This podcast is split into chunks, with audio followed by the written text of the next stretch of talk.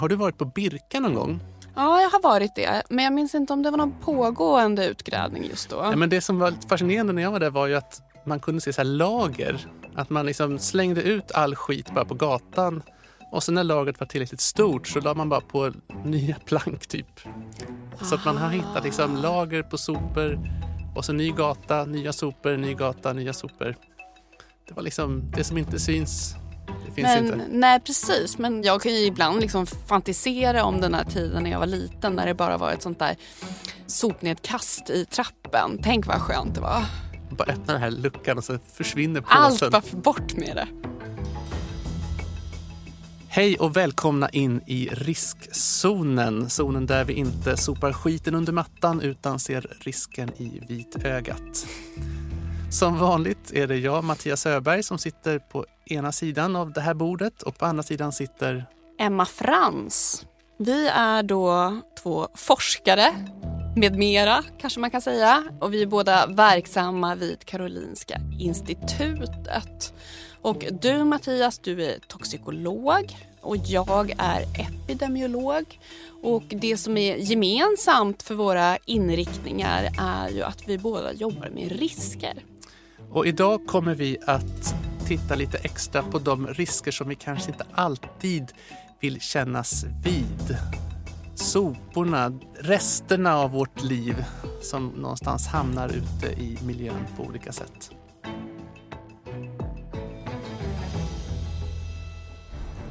Dags! Världens viktigaste tävling börjar den första februari. Vadå, fotbolls-VM? Nej, batterijakten! Äntligen! Vad är det? Alla Sveriges fjärdeklassare tävlar om vem som kan samla in flest tomma batterier. Batterijakten handlar om utbildning, kreativitet och insamling. Vinner gör den klass i årskurs 4 som har samlat in mest batterier räknat i kilo per elev, genomfört alla lektioner och visat stor kreativitet. Utbildning och kreativitet är grunden i ett långsiktigt hållbart samhälle. Barnens kunskap och engagemang sprids ofta vidare till föräldrar, syskon och släktingar och bidrar på så sätt till ett ännu bättre miljömedvetande. Det är dock själva insamlingsmomentet som är hjärtat i tävlingen och resultatet blir ett positivt och omedelbart avtryck på miljön. Återvinna så att jorden kan leva. För fem år sedan, 2016, deltog hela 25 487 elever från närmare 1100 klasser. Tillsammans samlade barnen ihop fantastiska 215 ton förbrukade batterier. Batteriåtervinningen i Sverige är prisbelönt och en av kronjuvelerna i avfallshanteringen. Att samla in batterier är inget nytt.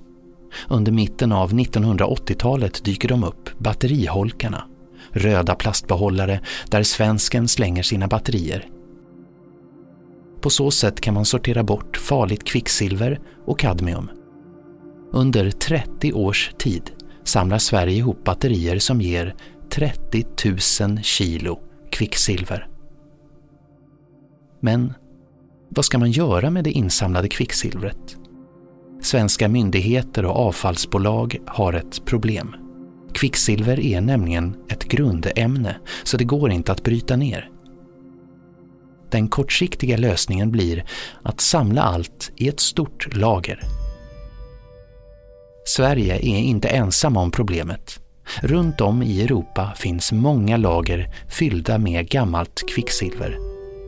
Därför blir alla glada när det tyska företaget DELA, Dela, hör av sig. De har just tagit patent på en maskin som kan omvandla det farliga kvicksilvret till ett stabilt rött pulver, kvicksilversulfid. Det röda pulvret kan sedan lagras i gruvgångar långt in i urberget. Sverige är ett av de länder som anlitar det tyska företaget för att ta hand om det farliga kvicksilvret. Äntligen finns en lite mer långsiktig lösning. Tillsammans gör vi världen lite bättre. Eller?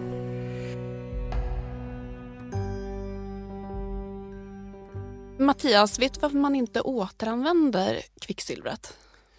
Kvicksilver har ju visat sig vara en eh, metall som är väldigt skadlig.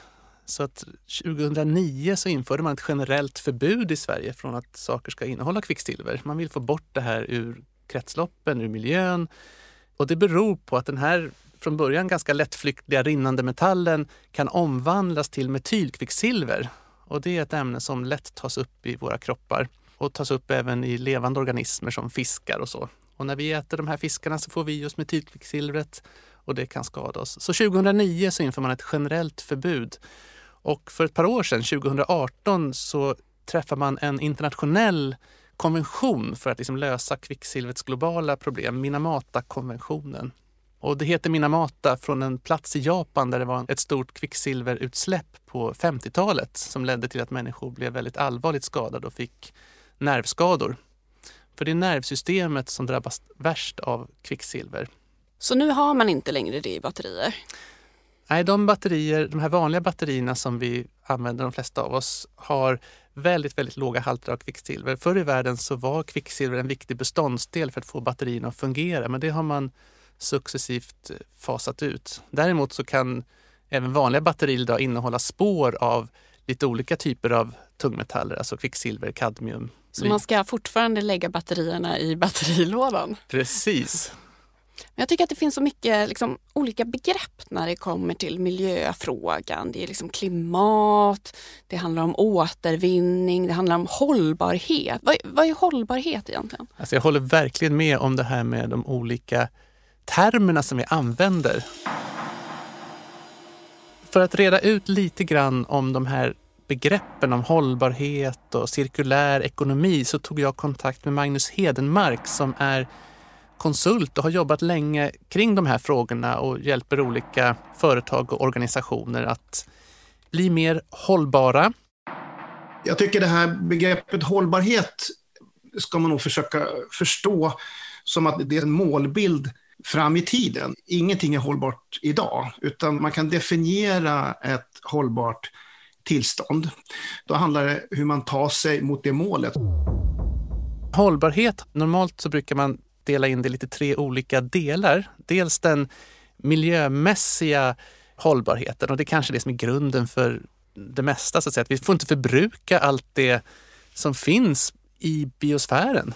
Vi får inte smutsa ner det på ett ohållbart sätt, utan vi får leva på det som finns där. Där finns ju också en social och ekonomisk dimension. Men eh, den sociala dimensionen, det handlar ju om det här med rättvisa och delaktighet. Eh, och den ekonomiska dimensionen, det handlar väl just om det här med att kunna ha en en tillväxt en hög standard och en sätt. utveckling. Och jag, jag visst, och det handlar inte bara om kanske att ha en hög standard, det handlar kanske också om att kunna ha en standard som kan möta nya typer av utmaningar. Vi ska ju liksom inte inbilla oss att om vi bara står still så slutar problem att uppstå. Utan erfarenheten visar ju att du måste hela tiden vara i rörelse. För att kunna vara det så måste du ha en, någon typ av tillväxt. Men den tillväxten behöver kanske inte vara att vi pumpar upp nya råvaror hela tiden och sen skapar ett sopberg i andra ändan. Utan att det kanske är mer fokus på funktion istället för på konsumtion. Men när vi pratar om cirkulär ekonomi, då pratar man nog bara om det materiella, det är rent eh, hur produkter egentligen ska utformas för att passa in. Inte särskilt mycket om hur det fungerar mellan människor. Och eh, den cirkulära ekonomin tycker jag, det är ju en del av hållbarhetsvisionen. Och då säger man att ja, vi kan producera i princip två olika typer av produkter idag. Alltså de rent biologiska som man kan se som att de kan komposteras och det här naturliga sättet som alltid fungerat i naturen. Och sen har vi det som vi kallar för det tekniska kretsloppet, det som inte fungerar med typ kompostering och sådana här saker, det vill säga plaster, metaller och sånt där. Men man kan hantera det på ett motsvarande sätt. Man brukar också säga att den cirkulära ekonomin, ja det är väl en ekonomi som inte genererar avfall. Då, då kanske inte det bara är den enda hållbarhetsindikationen, men tanken bakom är att i naturen uppstår ju ingenting avfall alls. Och det är ju för att allting som produceras som skulle kunna vara avfall, det kommer alltid till nytta. Och det i sin tur beror på att allting är väldigt väldesignat i naturen från början. Och då tänker man så här, ja, men om vi gör samma sak med allting vi producerar, det ser till att det inte uppstår ett avfall, utan att allting kommer till nytta. Då bör vi vara hemma, både hållbarhetsmässigt och eh, cirkulärt. Så vad gör en produkt hållbar på riktigt? Ja, alltså det viktiga är ju att det handlar om hur man designar den från början så att det kan fungera i eviga produktlivscykler. Ett stort problem när det gäller hållbarhet har ju varit att vi har pumpat upp väldigt mycket fossila ämnen, alltså kol, olja, gas. Och sen så gör man olika saker, använder den här energin och nu så vill vi mer och mer komma ifrån det och då har ju el eldrivna system blivit väldigt populärt. Man ska liksom lagra elen då i batterier. Just så det. det dyker upp batterier nästan överallt idag. Det är inte bara batteridrivna småprylar utan det är batteridrivna cyklar, bilar, skotrar. Fast nu är det ju kanske inte så ofta, i alla fall inte i cyklarna och bilarna, sådana här batterier som man måste slänga i batterilådan regelbundet. Utan nu har vi också sådana här litiumjonbatterier som man kan ladda upp. Och just de som utvecklade litiumjonbatterierna, de vann ju Nobelpriset i kemi 2019. Och det är ju sådana batterier som vi har i våra mobiltelefoner och vi har det i våra datorer. Men har inte du också tänkt på att även mobiltelefonen slutar ju fungera och batterierna... Nej precis, de håller ju inte hur länge som helst utan till slut så måste ju man ju byta ut även dem. Och de har ju också lite problem i och med att vissa av de här metallerna som man använder, det är bland annat kobolt som man har i de här batterierna som bryts i Kongo-Kinshasa, bland annat då av faktiskt barn som arbetar. Så de kanske inte är så miljövänliga som vi tror, eller? Alltså det beror ju på vilka aspekter man tittar på. Det finns definitivt förbättringspunkter där. Någonting som Magnus Hedenmark tog upp när jag frågade honom vilka branscher han trodde var liksom störst problem med. Då lyfter han ju elektronikbranschen som en sån där det förekommer ganska mycket farliga ämnen och det är svårt att återvinna på ett bra sätt för de är designade för att gå sönder och Mm. de är designade inte så att de lätt går att plocka isär utan att de ofta liksom är, det är så integrerat i hela produkten att det bara blir farligt skrot av det. Så att det är en väldigt prioriterad produktgrupp. Jag tror FN har varnat för att vi får ett elektronikskrotberg som de håller på att byggas upp. Vi saknar ju kontroll över alla dessa metaller också. Det handlar ju om sällsynta jordartsmetaller och sådana som också håller på att ta slut. Långt bort från de röda batteriholkarna i Sverige ligger Madre de Dios, Guds moder. Ett område i Amazonas låglänta djungel på gränsen mellan Peru, Bolivia och Brasilien. De höga träden sträcker sig mot ljuset. Floden, som kallas Rio Madre de Dios, ringlar fram genom skogen. Då och då passerar en enkel fiskebåt som skrämmer upp några fåglar som står i vattnet och spanar efter fisk.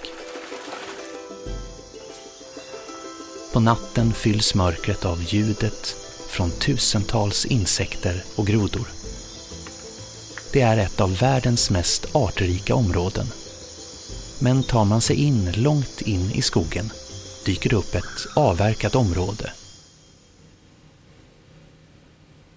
Det är lerigt och fullt med små enkla skjul och mängder av skräp.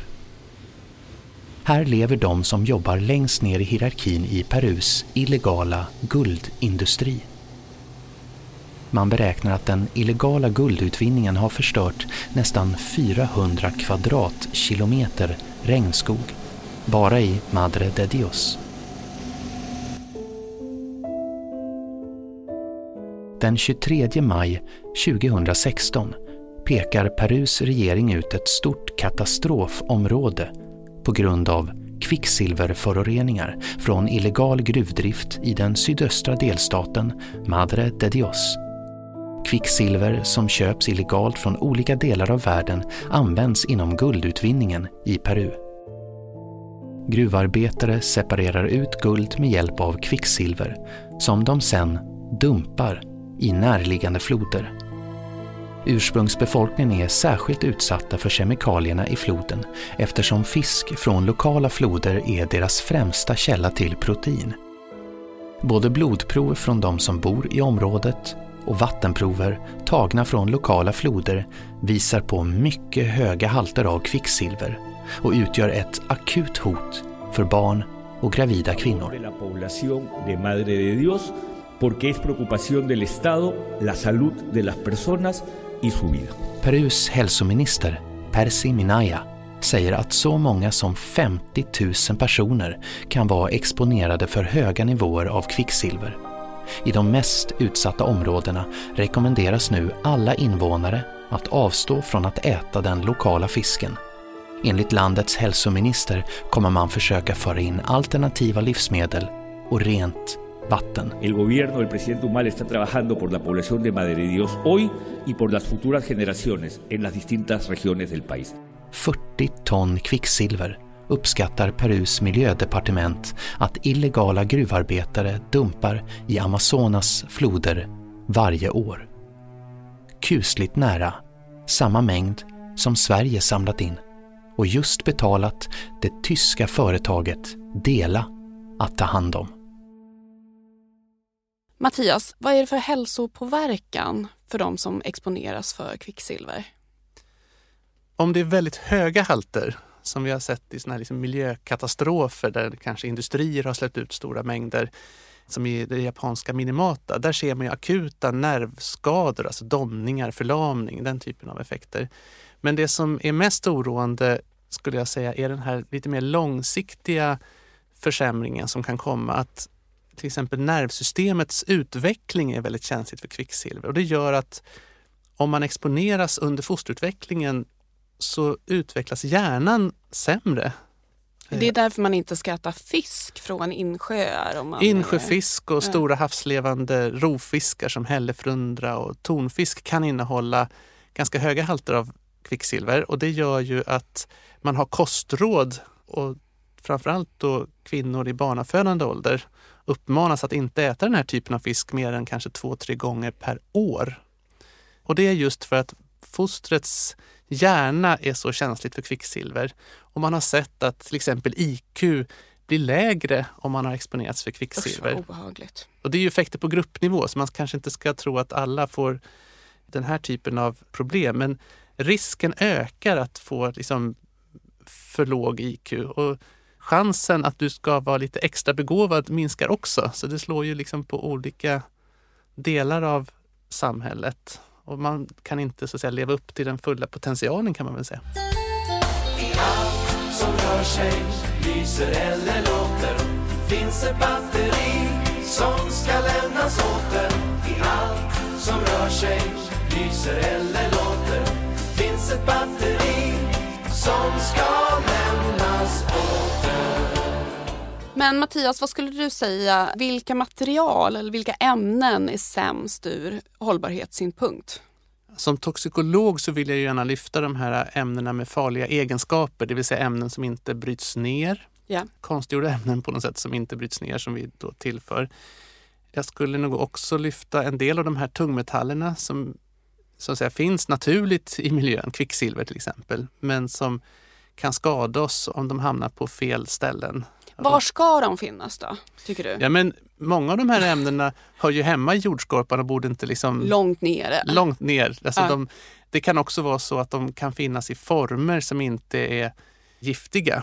Så det går liksom att på så sätt lagra dem. Jag frågade Magnus Hedenmark vilka produktgrupper som han tyckte var mest problematiska. Och han pekade ut tre olika typer av saker. Du nämnde ju redan elektronik. Det är en väldigt prioriterad produktgrupp. Sen har vi ju textilier som jag tror är en, eh, det andra stora området eh, som definitivt eh, är jätteviktigt att kontrollera. För det används enormt mycket kemikalier och vatten och energi i textiltillverkningen. Så har vi hela den här modeindustrin som driver på också med det som man kallar för fast fashion. Du slänger ju kläder och du använder dem bara några gånger. Det finns ju siffror på den här enormt mycket det sliter på planeten. Men sen har vi också ett område där vi kan prata om plaster. Vi tror liksom, pratar man plast tror man bara, ja men det finns en plast. Det finns otroligt många olika typer av plaster och kvaliteter och tillsatser. Så i en del plaster finns det otroligt mycket läskiga kemikalier och man pratar väldigt mycket om att vi måste återvinna mer plast. Men jag säger så här, ja, men du måste också fasa ut alla de här eh, ämnena eh, som finns i plasten för att du överhuvudtaget ska lyckas med det. För att annars så får du in eh, bromerade flamskyddsmedel och du får in mjukgörare och vi pratar om riktiga otäcka kemikalier som cirkulerar. Men det behövs ställas krav på plaster, inte bara säga att man ska återvinna dem. Så det är väl de tre produktgrupperna jag vill peka ut i eh, första hand. Fast fashion, det är ju någonting som man, tycker jag som kvinna, som, som kvinnlig konsument har funderat ganska mycket över på sistone. Jag gillar ju att köpa kläder. Men jag försöker ju att investera i saker som är av bra kvalitet och som är hållbara och sådär så man kan ha flera säsonger. Det här med fast fashion, att man så att säga, förbrukar kläder nästan innan man ens har haft dem på sig och fyller garderoben om och om, om igen. Det påminner lite grann tycker jag om det här som vi ser inom olika typer av andra produkter. Att de är liksom gjorda så att de ska gå sönder lätt, så man tvingas att köpa nya saker. Det som brukar kallas för planerat åldrande. Jag skulle vilja uppmana er att titta på en film, den finns på Youtube, som heter Glödlampskonspirationen. Den visar vad det här plan obsolescence handlar om. Att man har faktiskt medvetet förkortat glödlampornas livslängd i kartellbildning då, mellan ett antal eh, glödlampsföretag. Därför att man insåg att om glödlamporna är alldeles för bra så säljer vi inte lika mycket. Och sen finns det ju otroligt mycket exempel på där man alltså medvetet gör så att eh, grejerna inte ska hålla längre för att du vill sälja mer prylar. Och en rad olika exempel på det. Jag tror till och med i Frankrike så håller man faktiskt på och lagstiftar mot det här plan obsolescence, så man kan få straff för det. Det är riktigt illa att det är så här. Ehm, det finns skrivare till och med där modekortet är programmerat så att det ska bara hålla för ett antal utskrifter till exempel. Sen är det meningen att det ska paja och det har ju en del eh, kluriga människor kommit på. Det är med att de har lyckats byta ut moderkortet har de fått ut, får de, har de fått ut eh, och evigt mycket utskrifter från samma skrivare. Så att det här finns. Så det handlar inte bara om klumpighet utan det handlar faktiskt om eh, närmast kriminellt beteende om man säger så. Jag trodde länge att det där typ var en myt. Men det stämmer alltså att till exempel min mobiltelefon, den är på något sätt programmerad för att eh, liksom gå sönder vid en given tidpunkt. Det har ju visat sig ett antal liksom, konkreta fall där man faktiskt har sett hur industriföretag faktiskt har byggt in svagheter i systemet med syftet att marknaden inte ska bli mättad utan att man hela tiden ska få sälja nya produkter. Just det, alltså det kan man göra på olika sätt. Jag vet att min mamma nu hon var tvungen att köpa en ny smartphone för det var en app som hon behövde, en sån här bank-id som inte längre funkade på den gamla modell som hon hade. Och det är ju lite taskigt för hon vill ju egentligen inte köpa en ny telefon och tycker inte att hon behöver det. Men hon är helt enkelt tvungen för att då vissa såna här mjukvaruapplikationer ska funka. På ett undanskymt industriområde i Tyskland håller några män på att lasta jord. De täcker över behållare med ett annat innehåll. 100 kilo jord hälls på vartannat ton rent kvicksilver i specialbehållare. Behållarna ställs på lastbilsflak och bilarna förses med skyltar. Avfall som innehåller kvicksilver, står det. När lasten är färdigpackad kör den mot Schweiz. I tullen går tullkontrollanten runt bilen och granskar lasten. Det ser ut som vanlig jord. Lastbilen kör vidare in i det vackra alplandskapet och når fram till slutmålet, företaget Air Mercury. Där packas lasten upp. De flesta länder har förbjudit export av kvicksilver, men inte Schweiz. Det genomsnittliga världsmarknadspriset för kvicksilver är 550 000 kronor per ton. Det svenska lagret av kvicksilver har alltså ett värde på nästan 17 miljoner kronor.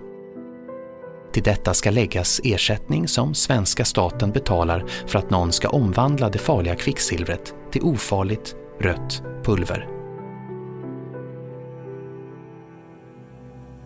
Ungefär samtidigt som lastbilen med kvicksilver kör in i Schweiz kommer en annan lastbil fram till Thüringen i Tyskland. Även denna har märkning och dokument om att lasten innehåller kvicksilver. Lastbilen svänger in mot den lilla staden Sondershausen och området där den gamla nedlagda saltgruvan ligger. Här finns enorma bergrum som passar bra för att slutförvara det röda kvicksilverpulvret. Men det röda pulvret som nu ska lastas av är inte kvicksilversulfid. Det är vanligt rött tennisgrus. Det är närmast ett perfekt brott. Tills en dag då de tyska skattemyndigheterna noterar att företagsägarna trots mycket låga vinster börjar köpa fastigheter och dyra kapitalvaror. Efterhand uppdagas hur totalt 473 ton kvicksilver som samlats in av miljövänner runt om i Europa sålts internationellt. Företaget Air Mercury beräknas ha gjort en vinst på 178 miljoner kronor genom att sälja det insmugglade kvicksilvret vidare. De två cheferna på Dela, som åtalas för smugglingen, döms senare i en tysk domstol till fängelse i dryga tre och ett halvt år. Hur god insyn hade ni då från Naturvårdsverket i vad det var för företag som tog hand om avfallet? Ja, vi, hade, vi, vi hade ju ganska högt förtroende för den process som vi hade tagit del av tidigare, att det här var någonting som faktiskt skulle fungera. Och eh, i det här fallet så får man också förlita sig på, att, eh, på tyska eh, myndigheter och den tillsynen som bedrivs där. Vi har liksom ingen möjlighet att själva bedriva tillsyn på de här anläggningarna. Mm. Men eh, vi såg liksom inga tecken på att det här inte skulle fungera. Och det är väl fortfarande så att processen sannolikt fungerar men eh, är det regelrätta bedrägerier så är det väldigt svårt att, att skydda sig mot. Svenska myndigheter beklagar att de låtit sig duperas men är nöjda med att bluffen avslöjades och att flera av de inblandade dömts till fängelse. Men det finns ju många andra farliga delar i ett batteri än kvicksilver. Och de här ämnena kan svenska avfallsföretag hantera själva. Företaget Urecycle i Karlskoga återvinner med hjälp av olika underleverantörer cirka 70 procent av Sveriges insamlade batterier. De har på pappret den specialkompetens som krävs för att hantera tungmetaller och skadliga ämnen i den svarta massa som batterierna mals ner till. Här bakom mig, på en åker i Kumla utanför Örebro, ska man alltså ha dumpat avfall från en batteriåtervinning. Det här avfallet ska såklart inte vara i naturen och enligt uppgift så kommer det här från en anläggning i Karlskoga. 2019 avslöjar Expressen att nära 2000 ton giftigt batteriavfall dumpats på flera platser runt om i Sverige. Senare visade det sig också att en del av avfallet skickats till Polen och Bulgarien där de bland annat använts i vägbyggen. Upptäckten av gifterna blir inledningen på ett miljömål som fortfarande pågår i Sverige. I år, mars 2021, döms fyra män i 50-årsåldern i Göta hovrätt för miljöbrott. Två av de åtalade männen döms för grovt miljöbrott till fängelse. De två andra männen döms för miljöbrott av normalgraden, villkorlig dom och böter. Det eftersom de säger sig inte ha förstått vilka faror hanteringen av batterimassan kunde innebära. Det låter ju som det nästan är vanligt att brottslingar dras till just det här med sophantering. Tony Soprano i Sopranos, du vet den serien, han höll ju på med sophantering i New Jersey. Jag tror att det där verkar ha varit en ganska lukrativ bransch för kriminella länge. Det har ju skrivits om den napolitanska maffian och hur de har livnärt sig på inte bara knarkförsäljning utan även hantering av farligt avfall just. Det är ju någonting som drar åt sig, sopor drar åt sig råttor brukar man ju säga.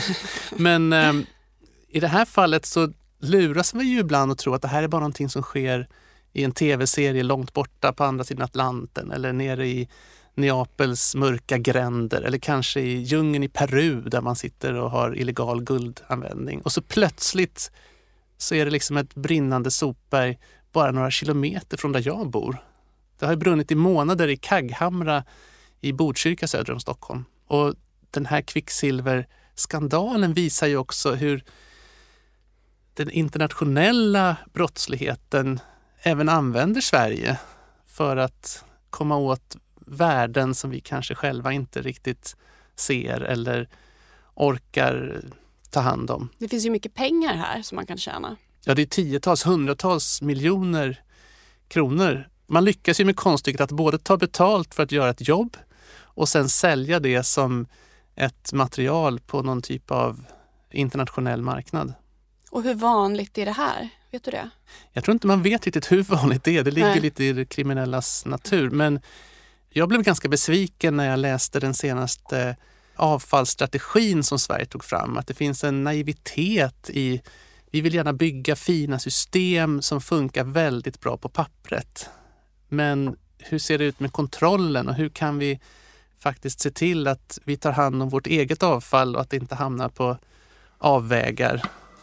Där det finns eh, höga krav men ingen tillsyn, det göder kriminalitet. Jag tycker det känns ganska hopplöst när man får höra de här historierna. Jag har själv hållit på och sopsorterat jättelänge. Mina barn har också varit med och peppat sig att... Det är lite demoraliserande, eller hur? Ja, men det måste man väl ändå medge någonstans. Att vi samlar in det, vi sorterar det och sen så bara dumpas det någonstans eller hamnar till och med i Amazonas djungler och liksom förgiftar befolkningen där nere. Hur känner du? Ska man bara strunta i alltihopa? Det kanske inte är någon mening med att sortera överhuvudtaget. Kanske. Nej, nej, men det är klart att man ska göra det man kan. Däremot så kanske man måste ha mer tillsyn till exempel eller på något sätt ha någon sorts kontrollsystem för hur våra sopor faktiskt tas hand om även när de lämnar Sveriges gränser. Jag tror att både internationellt samarbete, internationella standarder så att vi kan plocka isär sakerna på ett klokt sätt men också att vi får bort de giftiga ämnen som finns i elektronik eller plastprodukter. Vad tror du är viktigast där? Att man blir bättre på att hantera avfall eller snarare att man producerar mindre farliga avfall? Jag tror att vi måste börja med att få bort de farliga delarna i avfallet ganska så snabbt det går. På något sätt plocka bort ämnen som inte ska finnas där, för det förstör hela den här cirkulära möjligheten. Du kan liksom inte återvinna ett giftigt material om du inte tar bort giftet. Men eh, går det alltid att göra det? Jag menar vissa typer av ämnen där kanske det inte finns något miljövänligt alternativ. Det finns en del forskning kring det här med liksom, eh, som man säger, nödvändiga användningsområden. Att man är bättre på att bara använda material med farliga egenskaper där det verkligen, verkligen behövs och inte slentriananvändare i konsumentprodukter. Dels ökar det möjligheten för att faktiskt kunna ta hand om det, för att det används i professionella sammanhang på ett smart sätt. Och dels så minskar det ju då risken att det kommer på avvägar. Sen tror jag att även kemikalierna är ju en form av design, att vi kan kanske designa även kemikalierna på ett sätt som gör att de bryts ner på ett bra sätt. Och i sista hand så bör man ju också tänka på att en del av det här går ju att, så att säga, förbränna så att vi kan eh, åtminstone ta hand om energin i materialet på det sättet och kanske rena bort gifter ur röken. Vem har ansvaret då för att vi ska kunna ta oss framåt i någon positiv riktning när det gäller det här? Ja, jag tycker att myndigheterna måste visa lite mer råg i ryggen. Vi beskriver ofta eh, det som att det är konsumenternas ansvar att se till att sådana här grejer styra det här rätt. Och det kan stämma till viss del, men vi måste förstå att det är otroligt begränsade möjligheter att styra saker rätt. Vi har sådana gamla minnen av att vi varit av med klorblekt eh, toalettpapper och så vidare, sådana enskilda saker. Men det är så komplicerat med vad som finns i produkterna, så jag säger att en konsument har inte en chans. Jag skulle vilja se att man snäppade upp ett antal stora snäpp på våra miljömyndigheter så att de blir mycket skarpare och framförallt kallar för miljöjuridiken så att det verkligen rullar på åt rätt håll. Där tror jag skulle vilja trycka på. Jag, ytterst handlar det förstås om politiken eh, på något sätt. Men det är också lätt att skylla på politiker. Men om vi ska peka ut dem med ena handen så att inte alla skyller på varandra så skulle jag vilja säga förväntar jag mycket mer från att eh, ledande positioner på miljömyndigheterna kan också vara tydligare mot politikerna vad som faktiskt behövs göras. Inte bara ta regeringsuppdrag och vara nöjda med det. Kommer vi att lyckas tror du att bygga ett hållbart mönstersamhälle där vi har liksom cirkulära kretslopp. Och hur kommer det se ut i så fall? Jag hoppas att det kommer bli så många hål i trappuppgången så att man kan liksom på något sätt sopsortera men man har ändå bara hål i väggen som man släpper ner allt genom. Att det måste vara enkelt helt enkelt? Nej, jag skojar. Men jag tror ju absolut att, jag menar, där finns det ju på något sätt en balansgång. Det får inte bli för krångligt heller, för då kan det nog bli svårt för människor och just också det här demoraliserande när man vet att andra personer slarvar med det. Det tror jag kan också vara någonting som kan påverka viljan till att ta hand om sina egna sopor. Tack för att du har lyssnat på Riskzonen med mig, Mattias Öberg och Emma Frans. Och den här podden spelades in på Beppo. Som vanligt var vår producent Klara Wallin och inläsare var Peter Öberg. Och vi tackar forskningsrådet Formas som bidrar ekonomiskt till den här podden.